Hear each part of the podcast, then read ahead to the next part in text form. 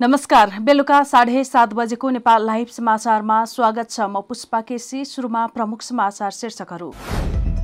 लुम्बिनी प्रदेशका मुख्यमन्त्री शङ्कर पोखरेलले दिएको राजीनामा स्वीकृत भोलि तीन बजेसम्म मुख्यमन्त्रीमा दावी पेश गर्न प्रदेश प्रमुखको आह्वान। दुई मिनटमै सकियो लुम्बिनी प्रदेश सभा बैठक। कुलमान घिसिङद्वारा दोस्रो पटक विद्युत प्राधिकरणको प्रमुखमा पदवाहली व्यक्तिगत जीवनको सबैभन्दा ठूलो चुनौती स्वीकारेर आएको प्रतिक्रिया चुनौतीलाई सबैको साझा प्रयासबाट पार गर्नुपर्ने उल्लेख। शान्ति मिशनका लागि आन्तरिक रूपमा लिएको प्रश्नपत्र लिक घटना एक सय उन्नाइस परीक्षार्थीसम्म पुगेको निष्कर्ष पुनः परीक्षा गर्नुपर्ने समितिको सिफारिस। युरोपेली छ मुलुकद्वारा तालिबानले अफगानिस्तानमा चलाएको कारवाही बावजुद अफगान आप्रवासीको निर्वासन नरोक्न युरोपेली आयोगलाई आह्वान। शरणार्थी स्वीकार नगरे स्वदेश फिर्ता पठाउन अनुमति दिनुपर्ने उल्लेख। र मेस्सीको फ्रेन्च क्लब पेरिस सेन्ट जर्मेनसँग दुई वर्षका लागि सम्झौता। तीस नम्बरको जर्सी लगाएर खेल्ने पिएसजी र आफ्नो लक्ष्य मिल्ने भएर त्यहाँ पुगेको प्रतिक्रिया। अब समाचार विस्तारमा। लुम्बिनी प्रदेशका मुख्यमन्त्री शङ्कर पोखरेलले दिएको राजीनामा स्वीकृत भएको छ।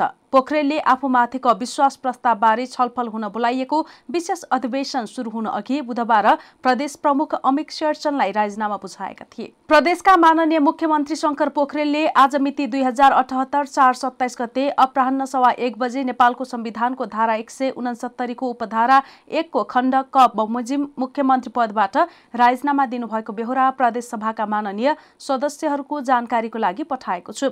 शेरचनले प्रदेश सभामुखलाई पठाएको पत्रमा भनिएको छ। यस्तै लुम्बिनी प्रदेशका प्रमुख शेरचनले मुख्यमन्त्रीमा दावी गर्न भोलि अपराह तीन बजेसम्मको समय सीमा तोकेका छन्। मुख्यमन्त्री शङ्कर पोखरेलले राजीनामा दिएपछि प्रदेश प्रमुखले नयाँ मुख्यमन्त्रीका लागि आह्वान गरेका हुन्। मुख्यमन्त्री पोखरेल विरुद्ध साउन उन्नाइस गते अविश्वास प्रस्ताव दर्ता भएको थियो। सोही दिन विशेष अधिवेशनको माग गर्दै प्रदेश प्रमुख समक्ष समावेदन गरिएको थियो। प्रदेशसभामा अल्पमतमा रहेका मुख्यमन्त्रीले अविश्वासको प्रस्ताव झेल्नुभन्दा राजीनामा दिने उपाय रोजेका हुन्। उनलाई स्वविवेक प्रयोग गर्न एमालेको प्रदेश संसदीय दलले भनेको थियो। यसअघि गत वैशाख उन्नाइसमा पनि संसद बैठक सुरु हुनु अघि राजीनामा दिएका पोखरेलले तत्कालीन प्रदेश प्रमुख धर्मनाथ यादवको सहयोगमा अल्पमतमा छँदाछँदै पुनः मुख्यमन्त्री नियुक्त भई शपथ खाएका थिए। मुख्यमन्त्री शङ्कर पोखरेलले अविश्वास प्रस्तावमाथिको जवाफ दिने भनिएको लुम्बिनीको प्रदेशसभा बैठक दुई मिनटमै सकियो। मुख्यमन्त्रीको राजीनामा सम्बन्धमा प्रदेश प्रमुखको कार्यालयबाट आएको पत्र वाचन गर्दै सभामुख पूर्णबहादुर घरतेले बैठक अन्त्य गरेका थिए। लुम्बिनी प्रदेशको विवाद संवैधानिक इजलासमा पेश गर्न सर्वोच्च अदालतले आदेश जारी गरेको छ। बुधबार न्यायाधीश आनन्द मोहन भट्टराईको इजलासले लुम्बिनी प्रदेशका निवर्तमान मुख्यमन्त्री शङ्कर पोखरेल विरुद्ध दर्ता भएको अविश्वास प्रस्ताव र प्रदेश प्रमुखले बोलाएको विशेष अधिवेशन विरुद्ध परेको मुद्दाको सुनवाई अब संवैधानिक इजलासमा हुने आदेश जारी गरेको हो। यसमा गम्भीर संवैधानिक व्याख्या आवश्यक पर्ने भन्दै संवैधानिक इजलासमा पठाउन आदेशमा भनिएको छ।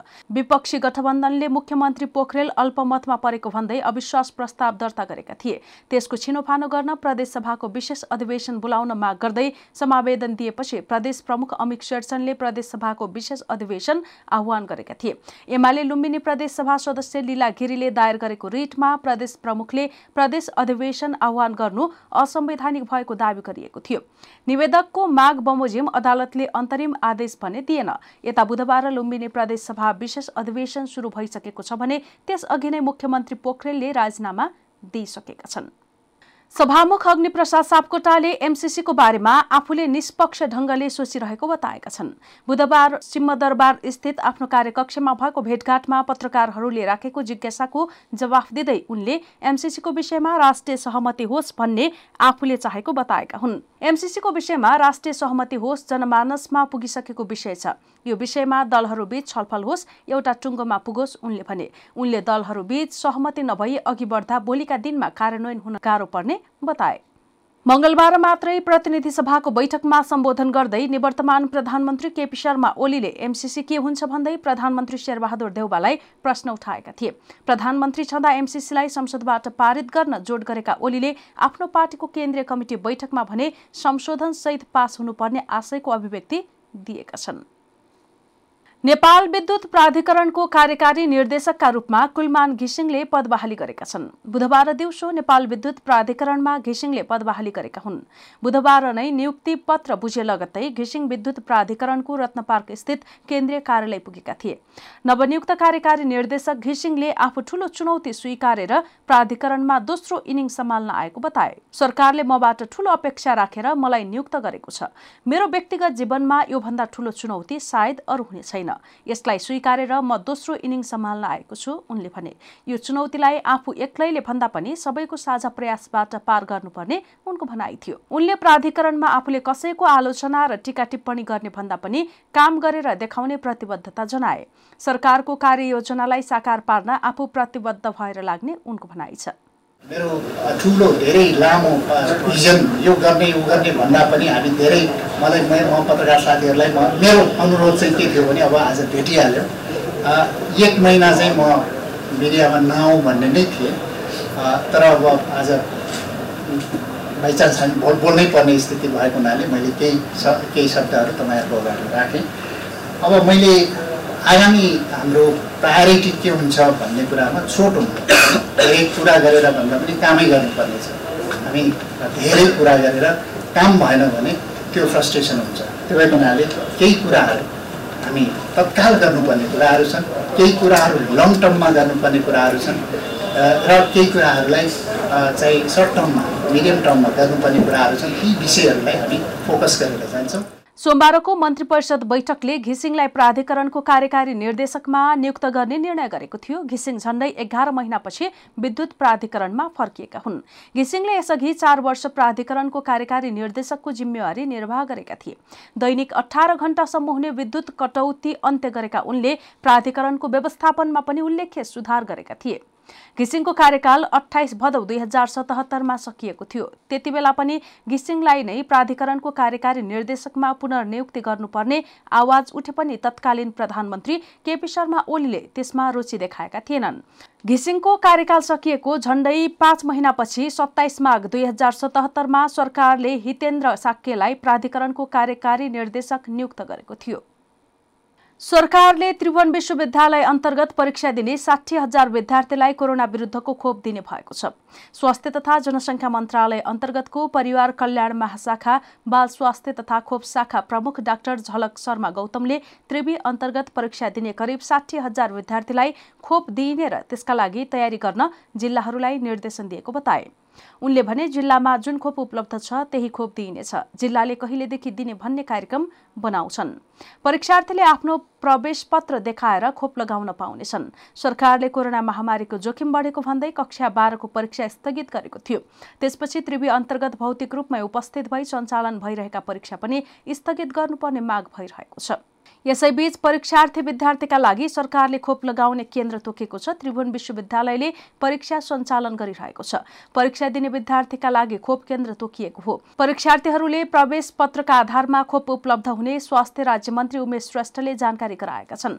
विश्वविद्यालयका परीक्षार्थीले काठमाडौँ उपत्यकामा नेपाली सेना नेपाल प्रहरी तथा सशस्त्र प्रहरी अस्पताल र चक्रपथ स्थित राधास्वामी आइसोलेसन केन्द्रमा कोभिड नाइन्टिन विरुद्धको खोप प्राप्त गर्न सकिने राज्य मन्त्री श्रेष्ठले जानकारी गराएका छन्।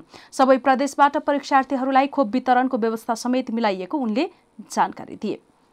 प्रहरी प्रधान कार्यालयले शान्ति मिशनका लागि आन्तरिक रूपमा लिएको प्री सेट परीक्षाको प्रश्नपत्र लिक प्रकरणको अनुसन्धान गरेको समितिले एक सय उन्नाइसजना परीक्षार्थीसँग परीक्षा अगावै प्रश्नपत्र पुगेको निष्कर्ष निकालेको छ। प्रहरी नायब महानिरीक्षक वसन्त लामा नेतृत्वको छानबिन समितिले एक साता लगाएर गरेको अनुसन्धानमा प्रहरी मुख्यालयको युएन शाखाबाट चोरी भएको प्रश्नपत्र एक व्यक्तिबाट अर्को हुँदै एक सय उन्नाइस परीक्षार्थीसँग परीक्षा अगावै पुगेको निष्कर्ष निकालेको हो।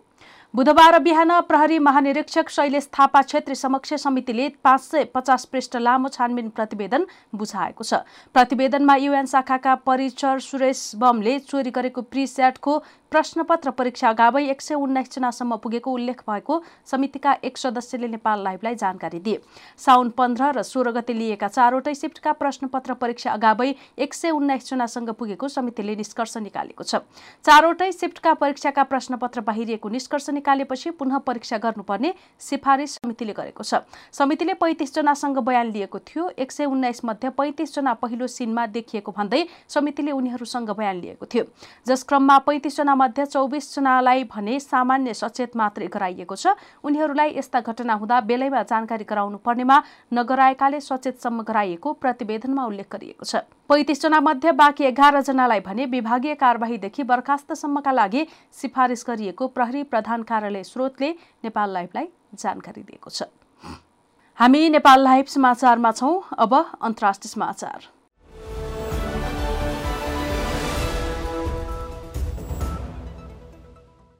युरोपेली संघका छ मुलुकले तालिबानले अफगानिस्तानमा चलाएको कार्यवाही बावजुद अफगान आप्रवासीको निर्वासन नरोक्न युरोपेली आयोगलाई आह्वान गरेको मंगलबार अधिकारीहरूले बताएका छन्। Austria Belgium Denmark Germany Greece र नेदरल्याण्डका सरकारहरूले युरोपेली संघको कार्यकारी यस निकायसँग शरण सम्बन्धी कानून अनुसार उनीहरूलाई शरणार्थी स्वीकार गर्न नसक्ने भएमा स्वदेश फिर्ता पठाउन अनुमति दिनुपर्ने बताएका हुन्।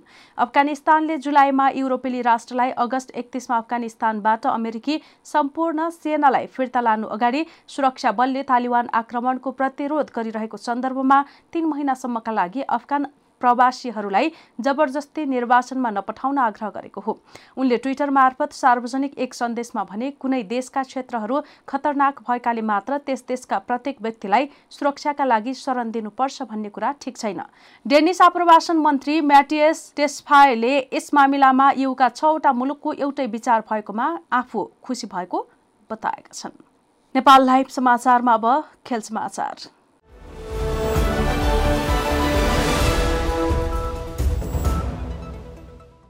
लियोनल मेस्सीले फ्रेन्च क्लब पेरिस सेन्ट जर्मेनसँग दुई वर्षका लागि सम्झौता गरेका छन्। पिएससीबाट उनले तीस नम्बरको जर्सी लगाएर खेल्नेछन्। चौतिस वर्षीय स्टार फुटबलर मेस्सीसँग सम्झौता एक वर्षका लागि थप गर्न सक्ने विकल्प पनि छ। यसअघि उनले बार्सिलोनाका लागि मात्र व्यावसायिक फुटबल खेलेका थिए। उनले त्यहाँबाट सत्र वर्ष व्यावसायिक फुटबल खेले वार्सामा दस नम्बरको जर्सी उनको पहिचान थियो। उनले झण्डै बाह्र वर्ष वार्साबाट उक्त नम्बरको जर्सी लगाएर खेले तर वार्साबाट सुरुवाती चरणमा भने तीस नम्बरकै जर्सी लगाएका थिए। अर्जेन्टिना लागि भने दस नम्बरको जर्सी लगाउनु अघि उनी उन्नाइस नम्बरको जर्सी लगाउँथे। पिएचडीमा दस नम्बरको जर्सी नेमारले लगाउँछन्। उनले मेस्सीको सम्मानका लागि आफूले उक्त नम्बर दिन तयार रहेको जनाएका थिए। तर मेस्सीले नेमारको प्रस्ताव अस्वीकार गरेको अन्तर्राष्ट्रिय सञ्चार माध्यमहरूले जनाएका छन्। पेरिस सेन्ट जर्मेनमा अनुबन्ध भएका मेस्सीले च्याम्पियन्स लिग जित्नु आफ्नो लक्ष्य भएको प्रतिक्रिया दिएका छन्। ट्रान्सफर प्रक्रिया सकेपछि बुधबार आयोजित पहिलो पत्रकार सम्मेलनमा मेस्सीले पिएचडी र आफ्नो लक्ष्य च्याम्पियन्स लिग जित्नु रहेकाले अनुबन्धन हुन धेरै सोच्नु नपरेको प्रतिक्रिया दिएका छन्। नेपाल लाइभ समाचार सकिएको छ। समाचारको अन्त्यमा प्रमुख समाचारका शीर्षकहरू फेरि एकपटक। लुम्बिनी प्रदेशका मुख्यमन्त्री शङ्कर पोखरेलले दिएको राजीनामा स्वीकृत। भोलि तीन बजेसम्म मुख्यमन्त्रीमा दावी पेश गर्न प्रदेश प्रमुखको आह्वान। दुई मिनटमै सकियो लुम्बिनी प्रदेश सभा बैठक। कुलमान घिसिङद्वारा दोस्रो पटक विद्युत प्राधिकरणको प्रमुखमा पदवाहली। व्यक्तिगत जीवनको सबैभन्दा ठूलो चुनौती स्वीकारेर आएको प्रतिक्रिया चुनौतीलाई सबैको साझा प्रयासबाट पार गर्नुपर्ने उल्लेख। शान्ति मिशनका लागि आन्तरिक रूपमा लिएको प्रश्नपत्र लिक घटना एक सय उन्नाइस परीक्षार्थीसम्म पुगेको निष्कर्ष पुनः परीक्षा गर्नुपर्ने समितिको सिफारिस। युरोपेली छ मुलुकद्वारा तालिबानले अफगानिस्तानमा चलाएको कार्यवाही बावजुद अफगान आप्रवासीको निर्वासन नरोक्न युरोपेली आयोगलाई आह्वान। शरणार्थी स्वीकार नगरे स्वदेश फिर्ता पठाउन अनुमति दिनुपर्ने उल्लेख। र मेस्सीको फ्रेन्च क्लब पेरिस सेन्ट जर्मेनसँग दुई वर्षका लागि सम्झौता। तीस नम्बरको जर्सी लगाएर खेल्ने पिएसजी र आफ्नो लक्ष्य मिल्ने भएर त्यहाँ पुगेको प्रतिक्रिया। नेपाल लाइभ समाचार आज यति नै। यसपछि साढे आठ बजे कार्यक्रम बहसमा काङ्ग्रेस हेर्न सक्नुहुनेछ। यस्तै हाम्रा अन्य कार्यक्रम Nepal लाइभको Facebook page YouTube channel Twitter र हाम्रो वेबसाइट नेपाल लाइभ डट कममा पढ्न र हेर्न सक्नुहुनेछ। नमस्कार।